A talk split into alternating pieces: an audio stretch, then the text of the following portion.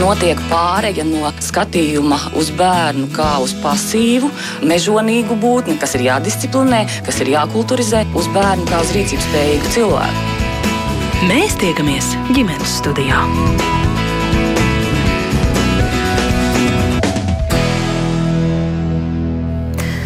Labdien, raidījums ģimenes studija sāk savu skanējumu. Jūs sveicināta producents Armīta Kolāta, mans vārds ir Agnes Linka.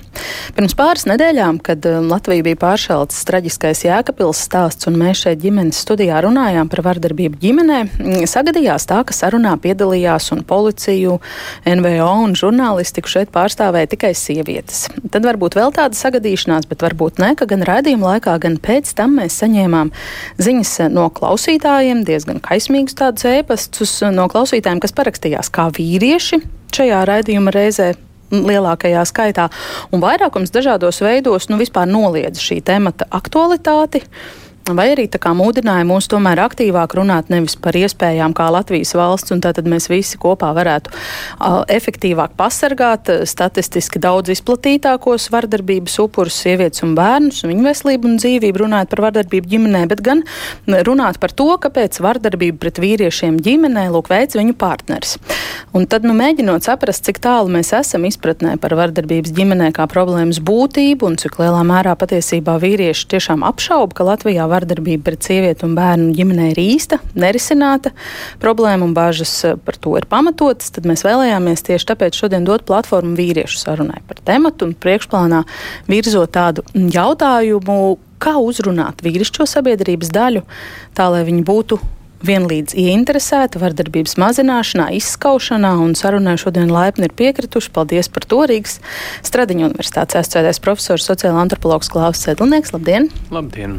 Arī biedrības tēva pārstāvis privātās Montsorī sākuma skolas direktors šobrīd Lauris Bokišs. Sveiks! Labdien!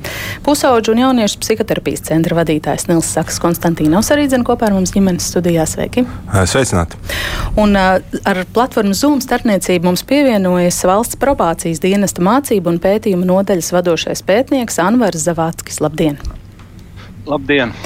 Un teikšu, kā Alaži arī jūs klausītājs, tad laipni aicināt pievienoties mums šai sarunā. Ja jums rodas kas eh, sakāms, kādi jautājumi, komentāri, pieredzes stāsti, droši rakstiet ģimenes studijā no Latvijas radio mājaslapas. Censim, centīsimies arī eh, jūsu sacīto integrēt, iekļaut šajā sarunā. Es gribētu sākt ar eh, jautājumu visiem pēc kārtas, kādi ir tie jūsu novērojumi šai diskusijā, kas, kā jau es pieminēju, pēc Jēkabils traģēdijas ir tādu jaunu spāru uzbangoju, un arī pēc citiem līdzīgiem notikumiem tas vienmēr notiek ar, ar jaunu spēku. Vai jūs manāt kaut kādu šo dalīšanos pa dzimumiem, kas skaļāk eh, par vardarbību šajā aspektā runā sievietes kā lielu un tādu nerisinātu uh, problēmu, un vīrieši, nu, tas tā varbūt krita acīs. Pat valsts institūciju pārstāvi biežāk nodarbojas ar to, ka kaut ko attaisno vai attaisnojas, vai dažreiz nodarbojas pat ar upura vainošanu, kas arī ir tāda izplatīta parādība šajā tematikā. Un, protams, arī sociālo tīklu uh, platformās viedokļos tas ļoti bieži novērojams. Klāvs skatos uz jums. Es, es neesmu tā ļoti speci, specifiski pievērst uzmanību, bet, protams,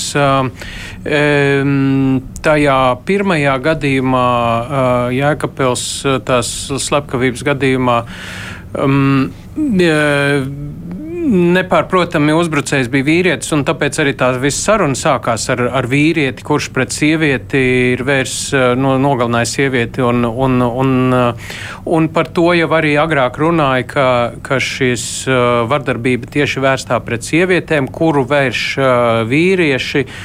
Nu, tā diskusija viss šādi bija, bija mm, nu, veidota, un tāpēc nu, diezgan saprotams ir, ka, ka tās opozīcijas, jo es domāju, ka jebkurā gadījumā varētu būt kaut kāda opozīcija pret jebkuru uh, tēmu, ja, kur, kur kāda no pusēm tiek vainot. Bet tā puse, kur, kur tiek vainot, ja, tad tur vairāk mēs varētu sagaidīt tos, kuri saka, nē, nē, nē, šī nav vispār nekāda problēma. Es savu draugu lokā nevienu neesmu redzējis, kas sistu savu sievu, un tāpēc viss ir kārtībā, un es savu sievu nesitu. Jā, tas tas klasiskais piemērs. Nu, jā, tāpēc, tāpēc nu, tas, tas diezgan pašsaprotami, ka, ka tā tas varēja arī notikt. Ja. Uh, otrs.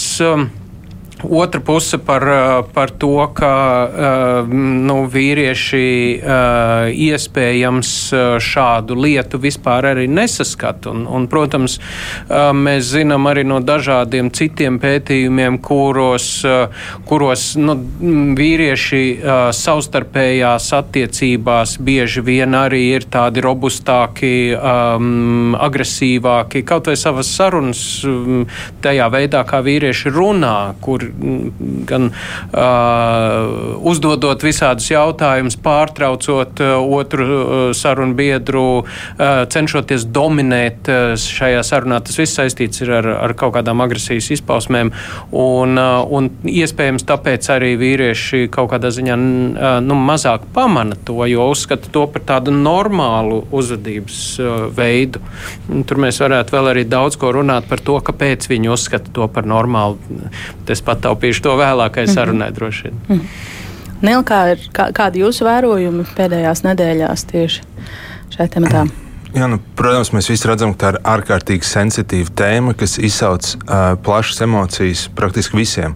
Un, un iespējams, tāpēc, ka tā ir tik emocionāla tēma, uh, tāpēc arī veidojās asi viedokļi, sadursmes, pārmetumi, aizvainojumi. Un, uh, tas ir saprotami. Uh, un es domāju, ka tieši um, šīs emocijas liecina par to, ka šī vardarbība ir tik klātesoša sabiedrībā. Mēs tāpēc tik asi pret to atrēģējam, ka liela daļa no mums ar to ir kaut kādā veidā personiski saskārušies. Uh, un, un tā ir viena no šīm, kāpēc mums par to droši vien jārunā ārkārtīgi uzmanīgi. Es domāju, pilnīgi saprotams, kāpēc mēs runājam par, par šo dzimumu lomu eh, vardarbībai, ceļš pēdējo eh, notikumu aspektā, tāpēc tā ir lieta, ko mēs skaidri zinām. Eh, mm, vardarbība, nu, vīrieši ir fiziski spēcīgāki nekā sievietes vidēji. Un e, vardarbībā, agresijā, šādos konfliktos sievietes ir tās, kuras daudz biežāk cieš fiziski. Un tas ir iemesls, kāpēc, nu, protams, fizisks kaitējums agresijai ir uh, nu, lielākā bīstamība. Tas var novest arī pie nāves, kā, kā mēs sapratām vēl. Un tāpēc, protams, mēs primāri par šo raizējamies un runājam. Uh, un par, mums par to ir jārunā. Un tādā ziņā vardarbībai tiešām ir dzimums. Bet no otras puses, domāju, ka var būt kaut kāds aspekts, kāpēc, teiksim, vīriešu pusi ieņem tādu aizsargājošo pozīciju. Ir tāpēc, ka No otras puses, mēs zinām, ka vardarbība ir vispār izplatīta sabiedrībā, un tieši tāpat liela daļa vīriešu ir saskārušies un saskaramies ar, eh, ar vardarbību. Un, eh, un, ja mēs paskatāmies citos segmentos, vīrieši ir tie, kas pārsvarā ne tikai pastrādā noziegums, bet viņi ir pārsvarā tie, kas arī cieš slepkavībās. Nu, bet ne vardarbībā ģimenē. Bet, bet ne vardarbībā ģimenē, protams, tāpēc, ka viņi ir fiziski spēcīgāki. Jā, un, šis. un eh, tad mēs varam parunāt, kā vardarbība dzīvo ģimenē, protams. Un arī tas, ko Klaus minēja, jā, jā, mums ir jārunā par šo dzimumu atšķirību, tāpēc ka tiešām mēs uztveram vardarbību atšķirīgi. Un eh, mēs zinām no psiholoģijas pētījumiem, ka vīriešiem patiesībā agresīvas darbības bieži viņi viņas izbauda vairāk nekā, piemēram, sievietes, un mēs to redzam jau pavisam maziem bērniem. Maziem bērniem, puikām vairāk patīk cīkstēties un fizisks, tas, ko mēs saucam, kontakts, eh, nekā meitenēm. Un tas ir dabiski evolucionāri attīstījies, tāpēc ka puikas fiziski būs spēcīgāk, un meitenēm ir daudz vairāk no tā jāpiesargājas.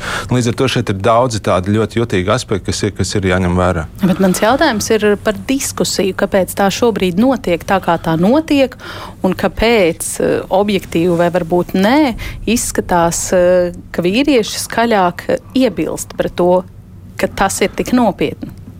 Nu, tāpēc, ka tāda, tāda loma.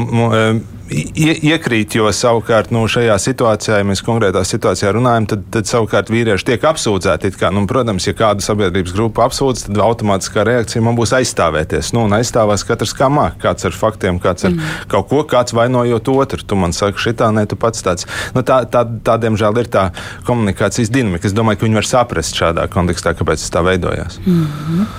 Lauri, esi vērojis un ir kādi secinājumi par to, kāpēc tā saruna par vardarbību ģimenē šobrīd izskatās tāda, kā tā ir?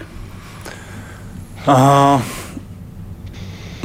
godīgi sakot, man ir grūti nošķirt tos tagad. Te, vienu, otru, trešo notikumu, kas pēdējos, eh, pēd, pēdējās ne? nedēļās ir noticis. Un, un, un, un vēl vairāk es, eh, es skatos uz to no, no tāda sava cilvēka stāsta viedokļa. Uh, un, un varbūt ņemot vērā, kāds mums ir nu, kā panelis savācies ar, nu, ar, es mēģināju pamatot akadēmiskiem sākumā, cilvēkiem. Un, un, un, un, Bet tu pārstāv biedrību tēvi. Es, es pārstāvu biedrību tēvu un, un, un Tur, protams, man, es, es nevaru atsaukties, kā, kas mums tur notiek pēdējās divās nedēļās. Tur es varu pateikt, kas notiek. Bet jūs sekojat droši vien līdzi. Es varu pateikt, kas, kas notiek pēdējos sešos gados, kad es strādāju ar vīriešiem.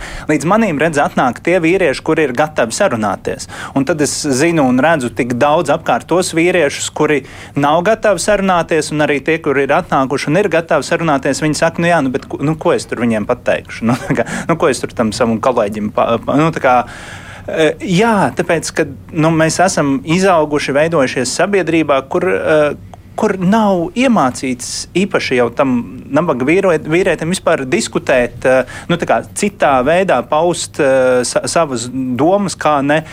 Vai nu metoties momentālā argumentā, vai, vai strīdā, vai vēl kaut ko, vai tad mīļā miera labāk vienkārši noklusējot. Ja? Un, un, ja, ja runā par to, kāpēc varbūt ģi, uh, vardarbība ģimenē nu, eskalējas, tāpēc, ka nu, tie vīrieši māca ilgi, ilgi mīļā, miera labā klusēt, klusēt, klusēt, un tad vienā brīdī nu, tad viņam nervi neiztur un viņš uzšauj, jo viņš nav iemācījies, ka starp uh, kaut kādu to emociju un rīcību var būt nu, tāds, uh, nu, tāds uh, tomēr nu, teiktu, tāds, nu, iespēja komunicēt, iespēja sarunāties, pateikt, pateikt ka Eh, stop, vai nedari tā, vai, vai kāpēc tu mani tagad zāģē.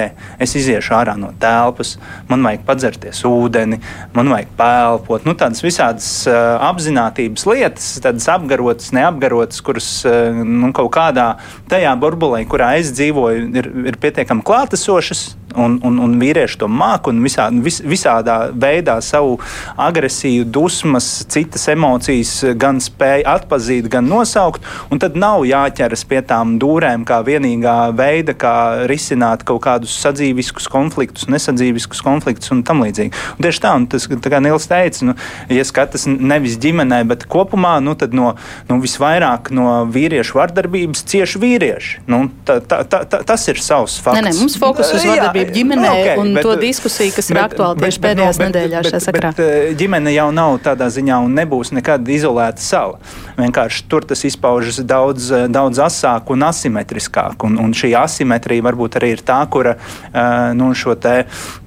Uh, nu, diskusiju padara tik emocionāli pielādētu. Emocionāli viņa ir vienmēr, bet tas pielādējums šajā, šajā laikā, man liekas, ir nu, ļoti izteikti spēcīgs. Un, un ja vīrietim nav šo instrumentu, kā nu, izlādēt šīs emocijas citā veidā, kā ne, kā, kā ne vai nu norobežojoties vai, vai, vai maucot, tad, nu, tad tā diskusija nu, paliek šausmīgi nu, tāda, nu, kā nu, mēs tagad runājam. Jo, nu, mm. nu, nu, ja tu nu, jau liki galdā nu, pat vienu no tādiem populārākajiem narratīviem šajā tēmā, ka vardarbība ģimenē saknes tam aug no kaut kādām emocijām vai zāģēšanas, un tad, tad tas ir vienmēr tas stāsts. Es nezinu, vai, tas, vai mums vajag iet šajā virzienā šodien. Es domāju, ka ne jau mēs vairāk par komunikāciju, bet, ja drīkst vēl vienu papildu jautājumu Laurim, tad tu saki, pie tevis nonāk tie, kas ir gatavi sarunāties, bet sarunājoties tagad pēdējās nedēļās par to,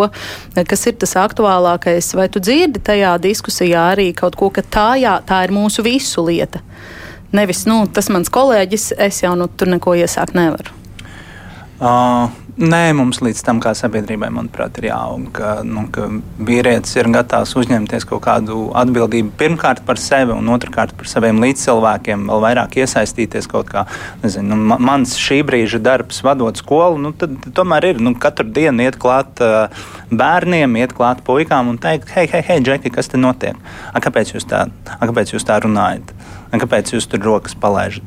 Ja, un, un reizē ir tas, ko Nils saka. Nu, uh, es pie saviem dēliem redzu, nu, cik ļoti viņiem ir svarīgi nu, to fizisku. Nu, es viņus nevaru tā, tā kā, nu, tagad visu tikai ar vārdiņiem, visu tikai. Ja? Nu, nē, viņi, viņi maucās, mīcās. Uh, palaiž rokas, ja, un jautājums ir nu, vienkārši, kurā brīdī un kā es kā no malas kaut kam velku vai nevelku robežas, un vai cik lielā mērā es kaut kādas savas iekšējās dusmas, savu kaut kādu agresiju.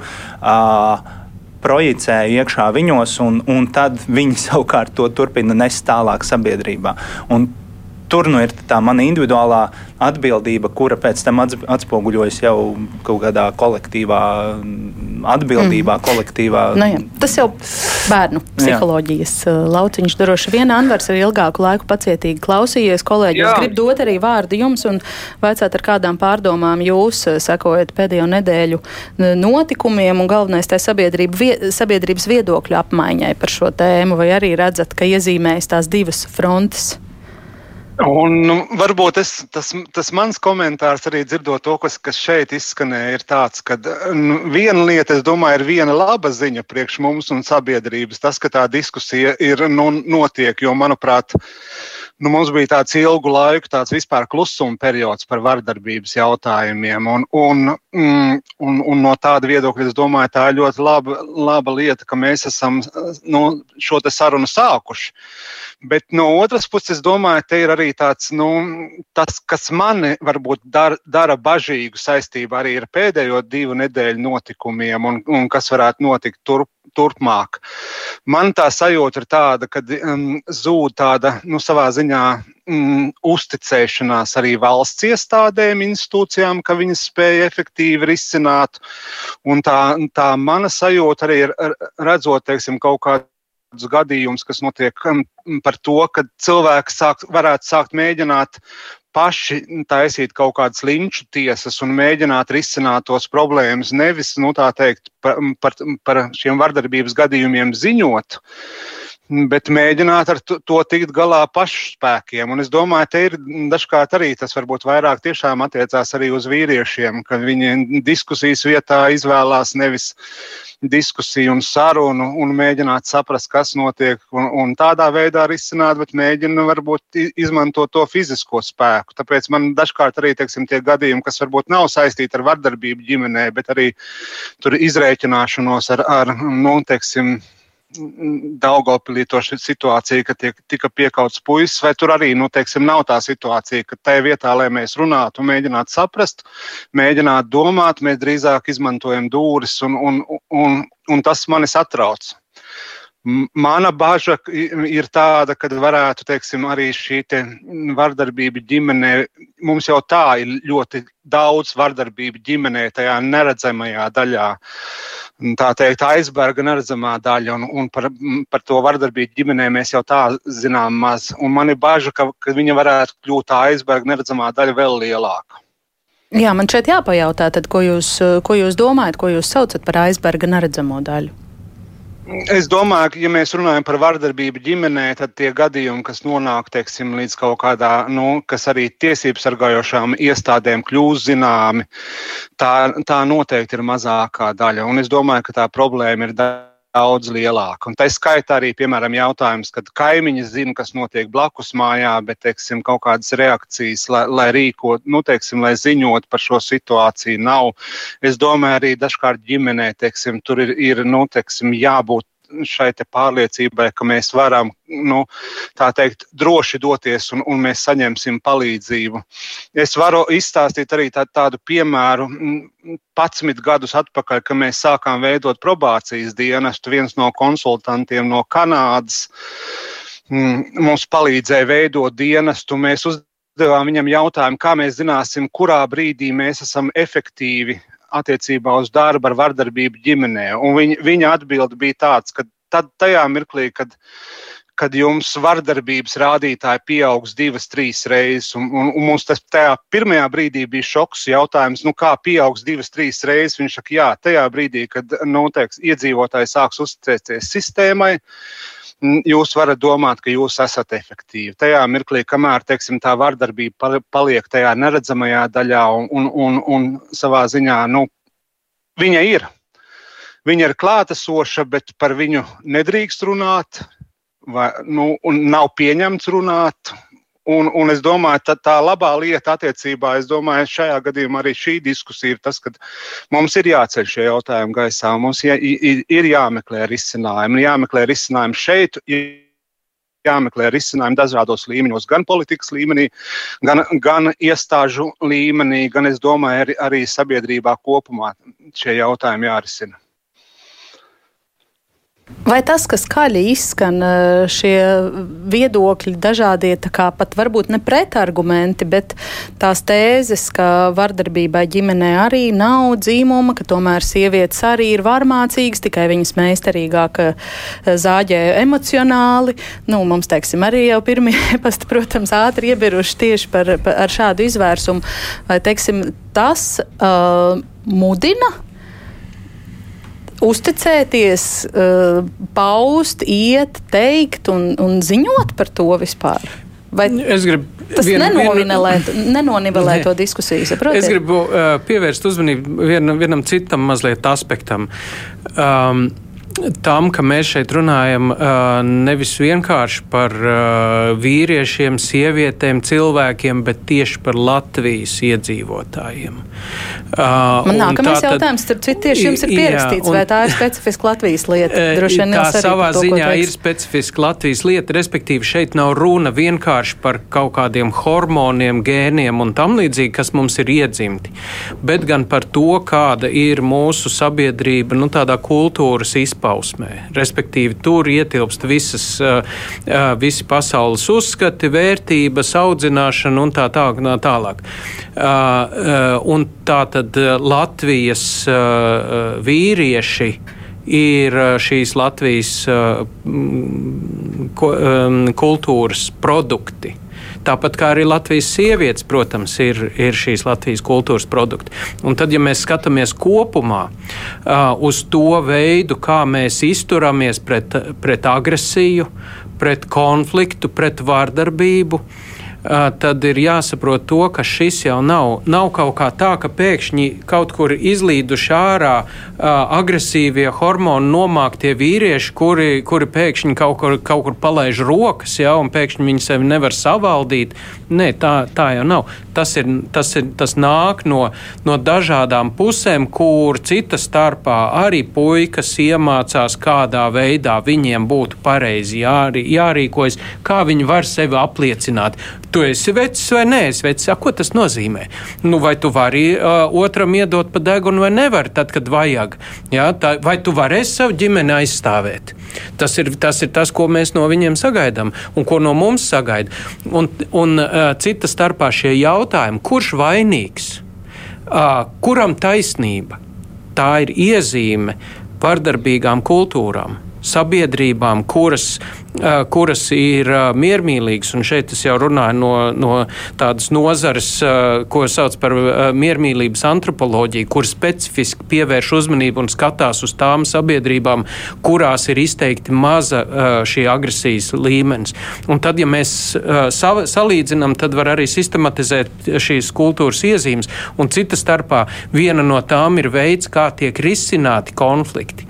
Nu, mūsu sabiedrībā kas nav raksturīgi tikai Latvijas sabiedrībai, bet kopumā arī citām, nu, arī Eiropas un ne tikai Eiropas, citās, kur ir izteiktāka vardarbība. Piemēram, attiecībā uz konfliktu lielākais uzsvers ir uh, taisnības uh, atjaunošana. Izdarīt tā, lai vainīgais ciestu un nevainīgais būtu tā kā, atta, nu, viņš varētu redzēt, kā tas, kā tas vainīgais cieš un tādā veidā gūt gandarījumu. Ja? Kamēr jā. miermīlīgu sabiedrību konfliktu risināšanas veids ir censties atjaunot harmoniju harmoniju. Tāpēc, konflikts izjauc šo, šo spēju normāli mums sadarboties, sad, sadzīvot kopā, un, uh, un uh, konflikta risināšanai tiek, tiek, konflikta risināšana tiek vērsta nevis uz to, lai atrastu, kas ir vainīgs uh, un, un kam ir taisnība, bet, bet gan censties šo konfliktu kaut kādā veidā atrisināt tā, lai abas puses būtu pēc tam spējīgs viena ar otru normāli sarunāties. Mm, nu jā, nu, pēc šāda, šādiem kritērijiem mērot, tad ir pavisam bēdīgi, jo tad jau visi tie uh, komentāri, ka emocionāli vardarbīgās sievietes pašas vainīgas, uh, tas, tas krīt no tās, tas tajā no vainošanas protams, gultnē, protams. Un mēs, mēs esam, protams, uztrenēti, un, un to mēs varam katrs droši es pie sevis ik pa brīdim redzu arī sevī tos, tos agresīvās rīcības modeļus, ja, kā tu rīkojies tad, kad tev kāds uh, uzgrūžās virsū vai, vai nostājas priekšā rindā vai kaut ko tam līdzīgu, kur uzreiz tu jūties uh, nu, ka, gandrīz, ka tev ir pienākums ja, kaut kā agresīvi uh, rīkoties. Tas viss no, no, no šī šīm, šīm lietām. Tā ir skaitā arī, ko, kā mēs skolās darām, ko mēs, kā mēs izturamies. Vakar bija ļoti interesants raidījums par sportu, uh, sporta organizāciju Latvijā un Igaunijā, kuras, kura cenšas pārņemt rietumu valstu piemērus. Ja? Uh, kur citu starpā ir, ir uh, liela atšķirība ir tā, ka Latvijā liels uzsvars ir uz sacensību, panākumu un balvu. Kamēr, uh, kamēr tajās uh, um, Igaunu pārņemtajās rietumvalstu modelī vairāk ir uz šo pašu darbību, uz to, ka tas ir kopienas kaut kāds tāds veselīgā dzīvesveida mm, jā, un prieka, tas, sporta prieka. Televīzijas jā? kolēģi jā, runā savā jā. tagad jaunākajā pētījuma projektā. Nils Ievilka Elpa, es zinu, ka jūs droši vien gribētu pastāstīt par savu pieredzi tajā Britu psihologu savienībā, zēnu un vīriešu darba grupā, kur jūs arī, zinu, sakāt, vardarbība ir viens no centrālajiem tematiem. Jā, absolūti tā ir tāda tendence Eiropā un Amerikā. Starp citu, jūs pieminētajā Anglijā šobrīd tieši ir izveidota komisija, kas ir parlamentu mērogā, kas tieši pēta jautājumu, kāpēc zēniem iet sliktāk pēc visiem parametriem, galvenokārt pēc izglītības, bet arī veselības rādītājiem. Un tā ir realitāte. Un, es piekrītu tam, ka kontekstam un kultūrai ir milzīga nozīme, bet tomēr man tomēr gribētos ienest to, ka arī bioloģija ir jāņem vērā, jo nu, mēs esam bioloģiskas būtnes un, un kultūra un bioloģija ir kaut kāds cieši savstarpēji saistīts, un mēs nevaram ignorēt vienkārši no nu, tādu lielu būtisku daļu par cilvēkiem. Es piekrītu, ka liela daļa mēs iemācāmies, bet tomēr ir, mums jāņem vērā mūsu nu, atšķirības, kuras ir, un tā ir daļa no tā, ko mēs mēģinām saprast, kā šīs atšķirības veido mūs, kā šīs atšķirības starp zēniem un meitenēm jau diezgan agrā vecumā. Kas ir tas, kas ir iemācīts, un absolūti tie kultūras eh, kodi veido ļoti daudz, bet kas ir tas, kur mums ir jāņem vērā šīs ģenētiskās atšķirības, eh, bioloģiskās, un ļoti vienkārši piemērs eh, - pubertāte. Un pubertāte nav atkarīga no tā, kā mēs, kā mēs bērnus mācītu. Meitenēm pubertāte sāksies vidēji divus gadus ātrāk nekā zēniem. Un, ja šie bērni ir vienā klasē, tad tur veidojas tas. Bet atgriežoties pie mūsu tēmas, viens, mēs sākām runāt par Latvijas kontekstu, un, un noteikti ļoti interesanti un es ceru, mēs par to parunāsim vairāk. Mums ir šeit savs konteksts, protams, bet tomēr šī vardarbība ģimenēs tā nav tāda ekskluzīva lieta uh, Latvijai. Un, ja mēs atsaucamies uz šo, nu, nu pat diskusijā cirkulē cipars, viens no trīs, viena no trīs sievietēm cieši uh, uh, cietusi no vardarbības ģimenē. Šis cipars patiesībā ir ņemts no liela pasaules veselības pētījuma, uh, un tas, ko mēs redzam šajā pasaules veselības pētījumā, ka uh, ir diezgan liels atšķirības starp reģioniem. Un uh, viens, viena no trīs sievietēm šie cipari attiecās vairāk uz Āfrikas reģionu, kur ir viens no visaugstākajiem vardarbības cipariem. Savukārt Eiropas reģionā vairāk tas ir viens, viens no, no piecām. Tas, tas joprojām ir milzīgs skaits, bet tas, ko tas parāda, ir tas, ka šī problēma nu, ir. ir tā, tā nav tikai kultūra specifiska. Jā, bet man, mans jautājums tad varētu būt par to, vai, piemēram, tajā britu kultūra telpā par šo diskutējot, arī ir tās pretējās puses, un vai tur arī var novērot, eh, ka, ka vienas balsis skaļi skanā, skaļi ska, skan skaļāk ar tādu narratīvu, un, un atkal otrs dzimums runā par kaut ko pavisam citu. Un ka nav tas konsensus par to, ka tā mums ir liela problēma, kas mums ir jārisina neatkarīgi no tā, vai policists, un tas izdosies neatkarīgi no tā, vai policists, kas pieņem iesniegumu vīrietis vai sieviete. Jā, nu, Britu kultūrā šīs diskusijas ir gājušas vairākus desmitus gadu ilgāk, līdz ar to tur ir, protams, nedaudz citādāk šī pieeja. Bet skaidrs, es godīgi sakot, es domāju, ka šī diskusija ir šīs divi poli. Viņi jau izspēlējās ne tikai šajā diskusijā par vardarbību. Es domāju, ka tā kaut kādā ziņā mums jau jebkura diskusija par aktuālām lietām nonāk vienā vai, vai, vai otrā pola galējībā. It kā notiek tā, tā sadursme, kur kā, nu, dažreiz apzīmē ar kultūru kariem, bet nu, tā sajūta ir par, par katru šādu. Nu, iespējams, ka šeit arī nu, man, tas man ir. Man gribētos iebilst, jā, bet, tur, es nezinu, klasiskais liberālās, jā. konservatīvās vērtības. Tur, Protams, ka tas nav par to, bet, nu, ja mēs runājam tieši par diskusiju, man šķiet, ka katrā tādā diskusijā par, par emocionāliem jautājumiem notiek šīs sadursmes kaut kādā mērā. Tas ir tas, kā šobrīd sociālo tīklu un vispār mūsu uh, dzīves realitātē diskusijas pārsvarā notiek. Uh, bet, uh, un, un, un, tomēr, ja mēs runājam par to, kā mēs skatāmies uz puiku un sieviešu, un kur vispār dzimst šī vardarbības, ideja un kāpēc tā nonāk līdz ģimenei. Nu, viena lieta, kas mums ir jāņem vērā, un ziņu jūs teicāt, ka par to nevajag runāt, ka sievietes arī uh, varbūt. es tā neteicu, mēs, mēs nē, nerunāsim. es norādīju, ka bet, tas bieži tiek bet, jā, minēts. Bet tas, ko mēs varam ņemt vērā un kas ir taisnība, ir tas, ka sievietēm un vīriešiem ir pārsvarā ir dažādas konfliktu risināšanas stratēģijas. Un šīs stratēģijas mums rodās jau ļoti, ļoti mazā vecumā. Un, kā kolēģis minēja, tās var novērot pie bērniem. Meitenes pārsvarā būs tendētas konflikts risināt runājot emocionāli to starp, un puiši savukārt būs pārsvarā tendēti konflikts risināt nu, ar, ar, ar fizisku kontaktu palīdzību. Tas tā ir tā realitāte, kas, ko mēs pilnīgi skaidri redzam skolās, un es domāju, ka daļa no tā atspēlējās, protams, pēc tam vēlāk arī ģimenēs. Tas nenozīmē, ka viena puse ir vairāk vai mazāk vainīga. Tas pilnīgi noteikti nozīmē, ka fiziski risināt konflikts ir daudz bīstamāk nekā emocionāli, bet mēs varam ņemt vērā šo te, uh, situāciju, ka, ja mēs skatāmies uz to lietu, kā tas ir, arī ģimenēs no konflikti norisinās dažādos, dažādos plānos. Viens no tiem ir fiziskais, kas ir bīstamākais, ko pārsvarā piekop vīrieši, un otrs ir emocionālais, kuru pārsvarā izmanto sievietes. Mm. Interesanti, ka mēs tā katrs deķīt uz savu pusi. Man šķiet, ka es mēģinu saprast, kāpēc mēs runājam par to tā, kā mēs runājam, bet jūs stāstat, kāpēc vardarbība ģimenē vispār ceļas. Kolēģi ir arī klusējuši ilgāku laiku. Laura, tev ir kas bilstams? klausoties, klausoties šajā. Um. Es, es, es domāju par tiem, par, par tiem puisīšiem un kā, kā, kā, kā Jā, nu, ņemot no, ņemot no Nila to deķi. Un, uh, uh, es redzu praksē ar, ar, ar saviem personiskajiem bērniem, ka kamēr ļauj tikai dabai un mazliet tam kultūras kontekstam, ja, ko viņi tiešām tur novēro lielā pašvaldības bērnu dārzā un tam līdzīgi darboties. Uh, tikmēr, uh, nu, tikmēr, jā, tieši tā, nu, nāk izteikti iekšā tas uh, nu, fiziski ir izcinām. Uh, kliedzam, paraujam, nu, vienalga, ja tur ir piecgadnieki, sešgadnieki.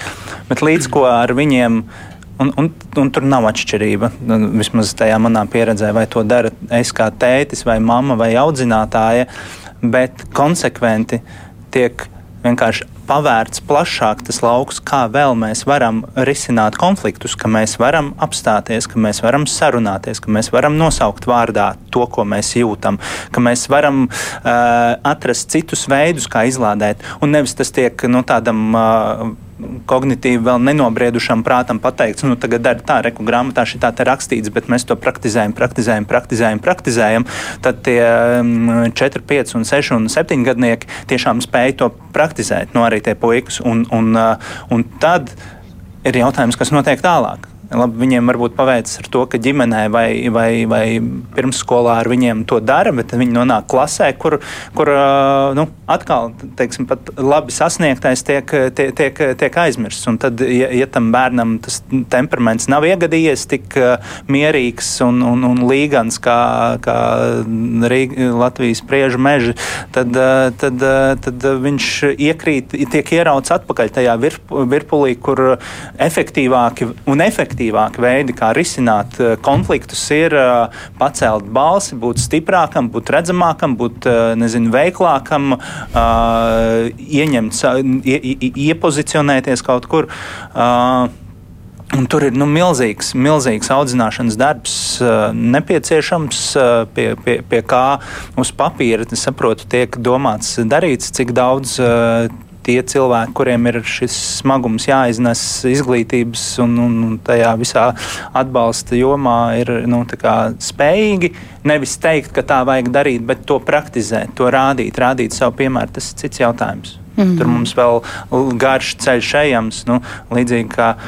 Nils teica par Britiem. Nu, tā es tikko mm, pēdējā pusgada laikā izceļoju Somijas un, un, un, un, un Zviedrijas uh, vīriešu organizācijas. Un, un tiešām dzirdēju to, cik daudz gadu desmitus ir prasījis laiks, lai viņi būtu tur, kur viņi ir, kaut vai tajā savā statistikā un savā attieksmē, savā redzējumā. Un, un, kur viņi joprojām runā par tām pašām problēmām, par kurām mēs runājam. Nu, viņas nav izskaustas, viņas nav ja, e, pazudušas. E, tikai nu, jautājums ir par to, varbūt, to nulles punktu tolerancei pret vardarbību sabiedrībā, kur nu, tajās sabiedrībās nu, ir citur nekā pie mums. Mm. Jā, šeit es nevaru. Vēl, vēl runāšanu runājot. uh, nav jautājums, vai vajadzētu paturēt prātā to, ka, ka vīrieši nerodas tikai no vīriešiem. Un, un es, protams, piekrītu, bioloģija ir nozīme, jā, bet tai, tai kultūrai un veidam, kā mēs uzaugam un kā mēs iemācāmies, kā rīkoties, ir vismaz tikpat liela nozīme. Un, un šajā ziņā nu, vīrieši, vīriešus neizveido tikai vīrieši. Vīriešus izveido arī sievietes. Gan audzinot viņus, gan arī savstarpējā satiksmē. Tas nozīmē, ka, ka tad, kad mēs mēs runājam par to, ka vīriešos ir kaut kāda problēma, viņa nav tikai tāpēc, ka vīrieši paši ir kaut kādu problēmu savā starpā nu, izauklējuši un izaudzinājuši. Ja. Tur ir arī tas, kā viņus, nu, kā piemēram, nu, um, cik daudz mammas uh, atļaujas saviem, savus dēlus audzināt par iespējams mīkstmiešiem. Ja, tādi, kuri, kuri neiziet uz to kautiņu. Ja? Un cik, cik, jo tur ir, protams, tas nav tik vienkārši, ja? jo mamma jau grib labāko. Tad viņi grib izaudzināt no sava dēla īstu vīrieti. Mm. Un tad tas jautājums ir, kāds ir tas īstais vīrietis viņas galvā.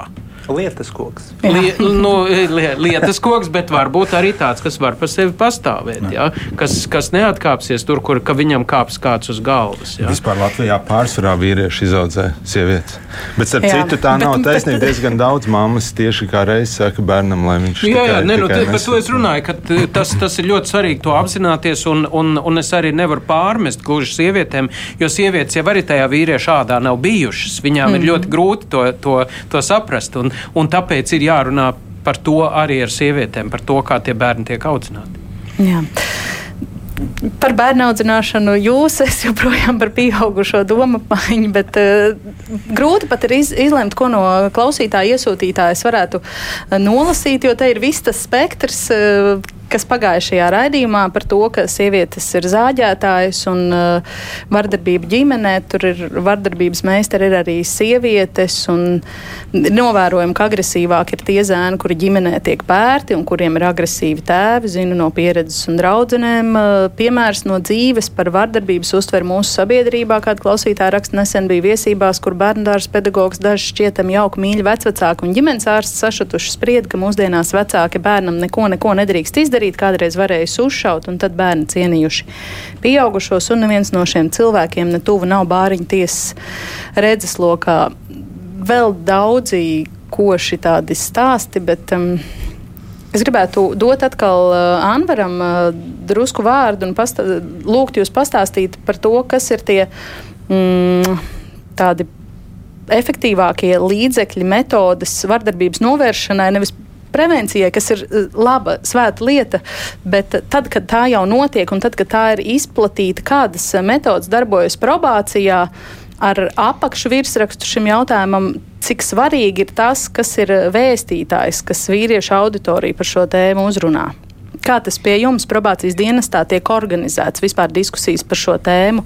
Jo es saprotu, ka pie jums nonāk arī, arī Ne tikai arī, bet jā. daudz jā, vardarbīgi jā, cilvēki. Es varbūt gribētu turpināt to, kas jau tika iesākts sarunā, un, un, un man gribējās reaģēt uz to, ko es dzirdēju studijā, kas notiek.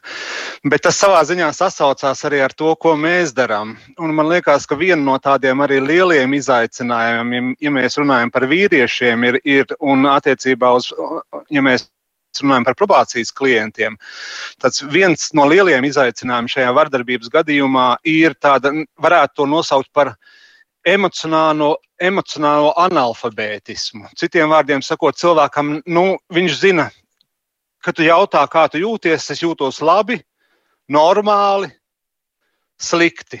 Un patiesībā cilvēks nepazīst savas emocijas. Viņam nav tāda emocijas, nu, tā teikt, spektra, kur, kur, kur būtu ļoti daudz dažādas emocijas. Un, un daļa no šiem cilvēkiem ir tā, ka viņi atpazīst, piemēram, dusmas, nezinu, sieviete atnāk, um, nu, partneri pusstundu nokavējusies, atnākusi mājās. Ir. Un, un viņam ir vienīgā emocija, viņam ir dusmas. Viņš neredz, ka tur apakšā patiesībā varbūt ir bailes, ka viņš ir nobijies, ka sieva varētu viņu pamest. Varbūt tur ir greizsirdība, varbūt satraukums par to, ka kaut kas slikts varētu būt no, noticis. Bet viņam teiksim, tā emociju klāsts viņam ir tik nabadzīgs, ka viņš nu, teiksim, pazīst tikai dažas emocijas, un tās emocijas savā ziņā arī virza to viņa rīcību un uzvedību. Un tāpēc teiksim, viens no tādiem, nu, teiksim, daļa no lietas, ko mēs darām, arī mums ir šīs probācijas programmas. Tā skaitā arī teiksim, cilvēkiem, kuri ir bijuši vardarbīgi. Un, piemēram, tā viena no programmām ir cieņpilnās attiecības. Un te ir jautājums palīdzēt cilvēkam labāk saprast sevi, kas ar tevi notiek, palīdzēt labāk saprast, kas ar citiem notiek. Tās ir grupu nodarbības. Tad tā skaitā arī individuālais darbs, bet arī, piemēram, nu, te, teiksim, šī te emociju pazīšana, saprāšana, kas ar mani notiek, kā es jūtos un, un ko es varu darīt dažādās situācijās. Tas ir viens no, no, no, teiksim, no, no tiem elementiem, kas ir mūsu darbā. Bet, teiksim, nu tad citēšu, tā, es speciāli izkopēju no iepriekšējiem komentētājiem par šo tēmu tādas uh, košākas frāzes. Nu, piemēram, vai jūs nesastopaties savā darbā ar to, ka bāzt šnobeļus citu netīrajā veļā nekad nav bijusi vīrišķīga lieta runāt ar bābu biznesu? Ko jūs iesākat ar tādu klientu, kurš atnāk un šitā saka? Grupu nodarbībā. Nē, negadās tā, tur viņi klusē un piekrīt un runā? Mm, uh, jautājums ir. Mm, es domāju, ka, ja mēs runājam par grupu nodarbībām, arī individuālām nodarbībām, jautājums ir, vai tu saproti, kas ar tevi notiek? Vai tu saproti, kāpēc tu esi, nu, nezinu, nonācis šajos, nu, rupi sakot, nu, sūdos, piemēram. Nu, kāpēc tu esi šeit? Kāpēc? Nu, un, un e, ir jautājums, nu, tur es domāju, ka te nav runa par to, ka mēs tagad mēģinātu kaut kādā veidā ar padomiem teikt, ka tev ir jādara šādā veidā, vai, vai nu, gudrus padomus dot. Nu, šajā gadījumā jautājums ir, vai tu saproti, kas notiek ar tevi, kāpēc tu esi šeit, un kā tu varētu dzīvot dzīvi labāku, bez, teiksim, nu, teiksim šīm te lietām, kas tevi nove, no, nu, varētu novest atpakaļ. Nu, probācijas sistēmā vai vēl sliktāk cietumā. Nu, jā, nu, un, nu, nu, tā, es saprotu, ka jums tur jāoperē ar pātagu burkānu. Ja? Vai nu tu lielā mērā klausies to, ko mēs mēģinam tev pateikt, Nē, vai arī tev būs atkal kaut kādas problēmas dzīvēm? Nē, es, es drīzāk teiktu, teikšu tā, ka nu, es, es īsti neticu, ka tāda pātaga īsti labi darbojas. Jebkurā gadījumā, teiksim, ja mēs runājam par kaut kādiem ierobežojumiem, kas ir, tiek noteikti mūsu klientiem, tad drīzāk teiksim, es redzu tajos ierobežojumos to jēgu tādu, ka tas nu, veido noteiktu dzīves struktūru. Ja mēs runājam teiksim, par, nu, teiksim, par šiem cilvēkiem, kas ir studijā vai par mani, mums ir noteikti veida režīms. Bet, ja mēs runājam dažkārt par šiem te, mm, probācijas klientiem, viņa tā dzīve ir tik haotiska, ka viņiem pietrūkst struktūra. Dažkārt ir vajadzīgi šie kaut kādi rāmi, kas nosaka, piemēram, ka tev nakts laikā jāatrodas savā dzīves vietā, tev ir noteiktā laikā jāierodās noteiktā vietā, jāiedod kaut kāds rāmis. Un, un tad, teiksim, tas rāmis ir jāizpilda ar noteiktu veidu saturu. Nu, teiksim, tas ir tas nu, darbs, kādā veidā mēs strādājam. No vienas puses ir šie kontrols me mehānismi, ja pienākumi, ja ierobežojumi, kas uzliek kaut kādu rāmi. No otras puses, jautājums, ko mēs ieliekam tajā saturā, kad mēs ar cilvēku strādājam. Un, un tajā mirklī, kad mēs strādājam cilvēku, mēs vairāk domājam, teiksim, kas ir tās problēmas un kādā veidā viņas varētu veiksmīgāk risināt. Nu, Tas ir tas formāts, kādā veidā mēs strādājam. Ja mēs runājam par kaut kādu vienu un universālo brīnumu nūjiņu, kas atrisinās visas vardarbības problēmas, arī probācijas dienestai nav, nav tāda brīnuma nūjiņa. Jautājums ir par to, vai mēs varam kaut kādā mērā sabalansēt šīs lietas, gan šo kontrolas elementu, pienākumu elementu, gan šo atbalsta elementu. Un tas ir tas, teiksim, kā tiek organizēts darbs. Es mēģinu pajautāt, teiksim, kādas ir tās jūsu iespējas, cik izaicinoši ir uh, uzrunāt tajā jūsu schēmā piedalīties piedāvātajā nemotivētu klientu. Nu, šajā te pašā ģimenes vardarbības kontekstā bieži dzirdam stāstus, tur uh, nošķiršana, vēl kaut kas, vēl kaut kas probācijas dienesta sadarbība un, un kaut kādi kursi vai nodarbības, tas viss noteikts, bet subjekts to nepildi neievēro. Un, un es, tas ir izaicinājums jebkurā gadījumā, un, un tā atslēga jebkurā slēpjas jautājumā par to, vai darbiniekam, kurš strādā ar klientu, izvei, izdodas izveidot attiecības, teiksim, tādas sadarbības attiecības, uz kā var balstīt turpmākos soļus. Jebkurā gadījumā vēl aizvien arī akadēmiskā diskusijā par probācijas darbu tiek uzdots jautājums, vai vispār ir iespējama piespiedu rehabilitācija, ja cilvēks negrib rehabilitēties. Es domāju, te arī pārējie kolēģi var uzdot jautājumu, vai, vai, mēs, vai jūs zinat, teiksim, kaut kādu perfektu risinājumu, kā cilvēku var piespiest mainīties, ja viņš negrib mainīties. Nu, un, un, un, nu, katrā gadījumā risinājumi, nu, mums jābūt elastīgiem, uh, Tā ir atbilde, bet, nu, teiksim, manuprāt, īsti, ja cilvēks negrib mainīties, nu, mēs nu, varam varbūt uzlikt kaut kādu rāmi, ierobežojumu, ielikt cietumā uz laiku, bet arī tas, nu, teiksim, tas ir jautājums par, parasti tikai uz laiku, teiksim, jo savā ziņā rehabilitācija ir um, jautājums par to, ka es gribu dzīvot labāku dzīvi, es gribu dzīvot savādāku dzīvi, es gribu būt veiksmīgs. Un, un jautājums, vai es to varu izdarīt sociāli pieņemamā veidā. Tas ir tas, ko, kurā virzienā mēs mēģinām iet. Mhm. Ir kāds repliks laikam uz Zānu teikto? Es labprāt eh, divas īsas, viens par to eh, piespiedu rehabilitāciju. No, no psihoterapeita viedokļa, man, protams, šis eh, ļoti aktuāls jautājums, bet es domāju, ka, ja ir tādas situācijas, kurā cilvēki ir nemotivēti vai nevēlas saņemt pakalpojumu, vienmēr vērts pamatots pakalpojums ir īstais pakalpojums viņiem, un tā ir daļa par to, kas jūs pieminētajā zēnu un vīriešu sekcijā, par ko mēs daudz domājam, ka liela daļa šo pakalpojumu viņi ir, viņi vienkārši vienkārši nav piemēroti vīriešiem. Uh, un, uh, un, nu, tas, tas ir vienkārši jāņem vērā. Tur ir gan dzimuma aspekts, gan visādas citas nianses. Bet otra lieta, es vēl tomēr gribētu mazliet. Uh, atsaukties uz kolēģi minēto par to, ka uh, vīri, sieva atnāk mājās un, un vīrietis saprot, ka viņš ir nevis dusmīgs, bet, bet ka viņam patiesībā ir bailes. Bet jūs saprotat, ka, lai nonāktu līdz šādam apziņas stāvoklim, principā tie ir nu, minimums seši mēneši, es teiktu, vairāk, kas ir pavadīti psihoterapijā. Un, uh, un tas ir nu, lielākajai daļai cilvēku, tas nav pieejams šāda veida. Mēs to varam iedot bērniem, kad viņi ir mazi skolā, dārziņos, bet, bet lielākā daļa Latvijas, un te mēs pie mūsu vietējā vietējā kontekstā atgriežamies. Latvijā cilvēki ir diezgan nabadzīgi. Mums ir jāņem vērā, Latvijā vīrieši neiet pie psihoterapeita, nedomā par to, kā, kā un kāpēc viņi jūtas. Latvijā vīrieši ļoti bieži biznesa, jā, tāpēc, ka viņi strādā eh, ļoti uh, maz apmaksātos darbos un mēģina savu galvu kopā, tāpat kā liela daļa sieviešu. Un tad, kad mēs runājam par to, ka vīrieši neizprot šīs savas emocijas, mums tomēr jā, jā, jāturprātā, šeit ir gan tā vieta Latvijas kontekstam, uh, par to, ka mums ir diezgan slikta izglītības sistēma mūsu bērniem bērni iet pārsvarā nepārāk labas kvalitātes dārziņos. Mums ir diezgan slikta, slikts atbalsts jaunajām ģimenēm, it sevišķi problemātiskajām, vientuļām jaunajām mamām.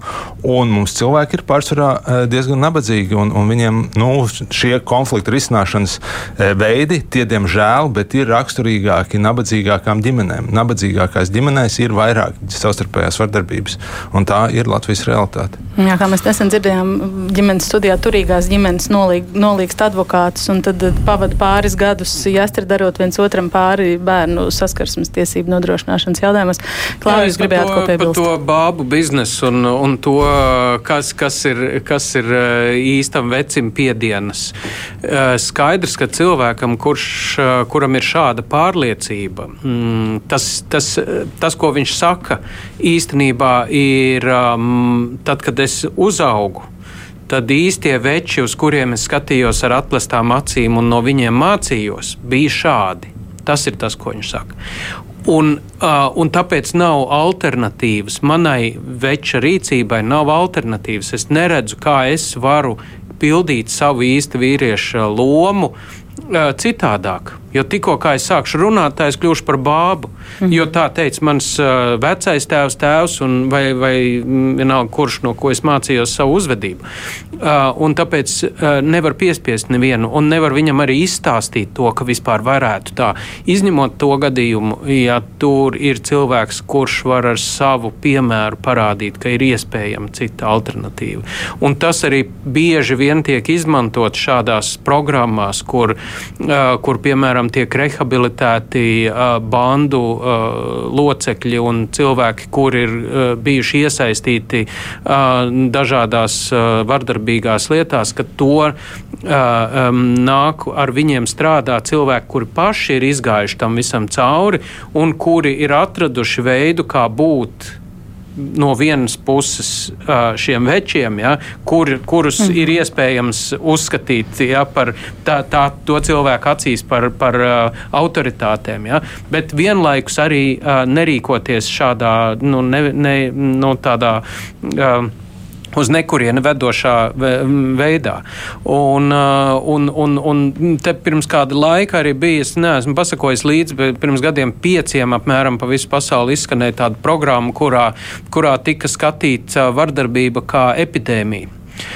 Jo viņi bija novērojuši, ka tur, kur notiek kaut kāda slepkavība, piemēram, ja, tad tam, tam apkārt tā tādi viļņi aiziet citas slepkavības un citas vardarbības. Ja.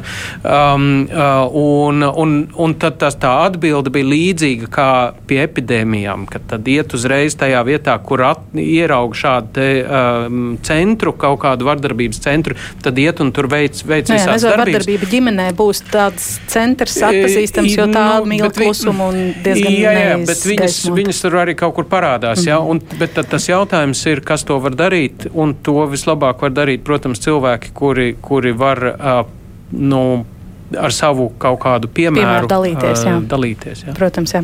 Es mēģināšu rezumēt pavisam īsi, ļoti, ļoti maz laika mums ir atlicis, bet nu, tad beig beigās vai jūsuprāt ir nepieciešamība Latvijas eh, vīrišķo sabiedrības daļu kaut kā pārliecināt, ka, ka tā ir problēma, ka vardarbība ģimenē nav tikai nelabvēlīgu ģimeņu pašu ķibeles vai tur nevarīgu čīkstīšu sieviešu vai, vai, vai feministu narratīvus. Nu jā, es, es nedomāju, ka mums vajadzētu uzskatīt, ka latviešu vīrieši kopumā uzskata tā, kā daži aktīvisti Twitterī. Tas ir pilnīgi ap, aplams uzskats.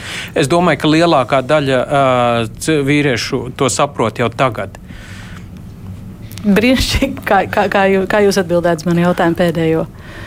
Uh, es, uh, tur domāju visādas domas. Es, es, es, es gribēju tikai teikt, ka tie Zviedri un Somi, viņi tās programmas savas attīstot, viņi viņas ir entās un entās reizes pārbrendojuši, rebrendojuši un atkal un atkal pielāgojuši vairāk un vairāk tam, ko Nils teica, lai viņas vairāk atbilstu. Viņi ir sākuši no kaut kāda punkta un viņi ir nonākuši tur. Un tas, tas, ir, tas, tas ir mērķis, nu, darbs, kādam kaut ko iestāstīt jā, jā, daļai un, un, un tas ir sistemātisks eh, darbs, eh, kur, kur atzīst, ka ir problēma. Tā kā, tā kā Nils teica, ka jā, mēs saprotam, mums ir šis, šis ir idejiski labi, bet šis nedarbojas konkrētai mm. populācijai, konkrētiem cilvēkiem. Mums to jāstrādā. Tas ir viens, un otra lieta ir manējā tā tablete ir eh, interese. Man vienkārši interesē cilvēki. Ja man interesē cilvēki apkārt man, tad, eh, tad man interesē, es pats man interesē mani bērni, un, un tas mazliet kaut kā mazina, ma, mazina to, nezinu, vardarbības vai, vai dusmu vai whatever izpausmi manī. Pa pusminūtē vairs tikai varu jums dot. Jā, es domāju, ka e, viena svarīgākā lieta ir tā, ka mēs nevaram kādu pārliecināt parasti ar varu par to, kādam ir jābūt. Ir sevišķi to pieaugušu cilvēku, vīrieti. Mhm. E, mēs varam parādīt, un mēs varam ļaut piedzīvot kaut kādus jaunus e, veidus, kā būt. Un, ja mēs gribam veidot jaunus, jaunu veidu vīriešus vai, vai citādus vīriešus, tad principā mums ir e, jāveido un jāaudzina nu, zēni. Un, un, un zēni jā. var izaugt par, par, par vīriešiem tad, kad viņi redz modeļus, kuriem sekot un kam līdzināties. Un es nedomāju, ka tur ir īpaši daudz. Ar šodienas apkārt. vīriešiem neko daudz nespriedalēsim. Bet šodienas vīrieši šeit sēž, arī šeit mēs runājam, un es domāju, ka arī šī diskusija parāda, ka patiesībā šodienas vīrieši spēj ļoti adekvāti spriest par šīm lietām, un, un es ceru, ka tas tikai turpināsies. Mm. Anvar, jums pēdējais vārds ir kas bilstams, bet tiešām Jā. ne vairāk kā pusminūte. Jā, un man, mana galvenā ziņa, varbūt, ko es gribu pateikt, ir tiešām ir svarīgi, ka teiksim, šī te vardarbība ģimenē nepaliek kā tabū tēma. Vienalga, vai tas ir šeit studijā tiek runāts, vai tas tiek runāts viens pret vienu, bet katrā gadījumā teiksim, nu, šie, šie ir jautājumi, par kuriem ir jārunā un, un nedrīkst viņu atstāt tajā aizberga neredzamajā daļā un par viņu klusēt un nerunāt. Mm -hmm. nu, jā, iedrošinājāt. No, to es novēlu visiem. Jā. Iedrošinājāt mūs turpināt bāzt šnobeli citu netīrajā veļā, teiksim tā. Paldies par sarunu ģimenes studijā. Šodien teikšu uh, Klāvam Sedlniekam, Laurim Bokšam, Nilam Saksam, Konstantīnovam un Anvaram Zavatskim. Radījumu šodien veidoja Sarmīta Kolāta, pie skaņa pults bija Katrīna Bramberga, pie mikrofona es Agnes Link. Rīģimenes studijā parunāsim par sauli jūru un bērnu ādas veselību. Pavasarī, vasarā mājas ir melanomas modrības mēnesis, tāpēc vaicāsim pēc speciālistu padomu, kāda aizsardzība pret sauli ir jālieto lieliem maziem, kādus veselības riskus spēcāk eh, rada saules apdegumu. Uzklausīsim arī uh, dažu labu vecāku pieredzi par to, kā alaži rīt no diviem līdz trījiem. Klausieties mūs arī podkāstos, mobilajā lietotnē un sekojiet ģimenes studijas atstīklos.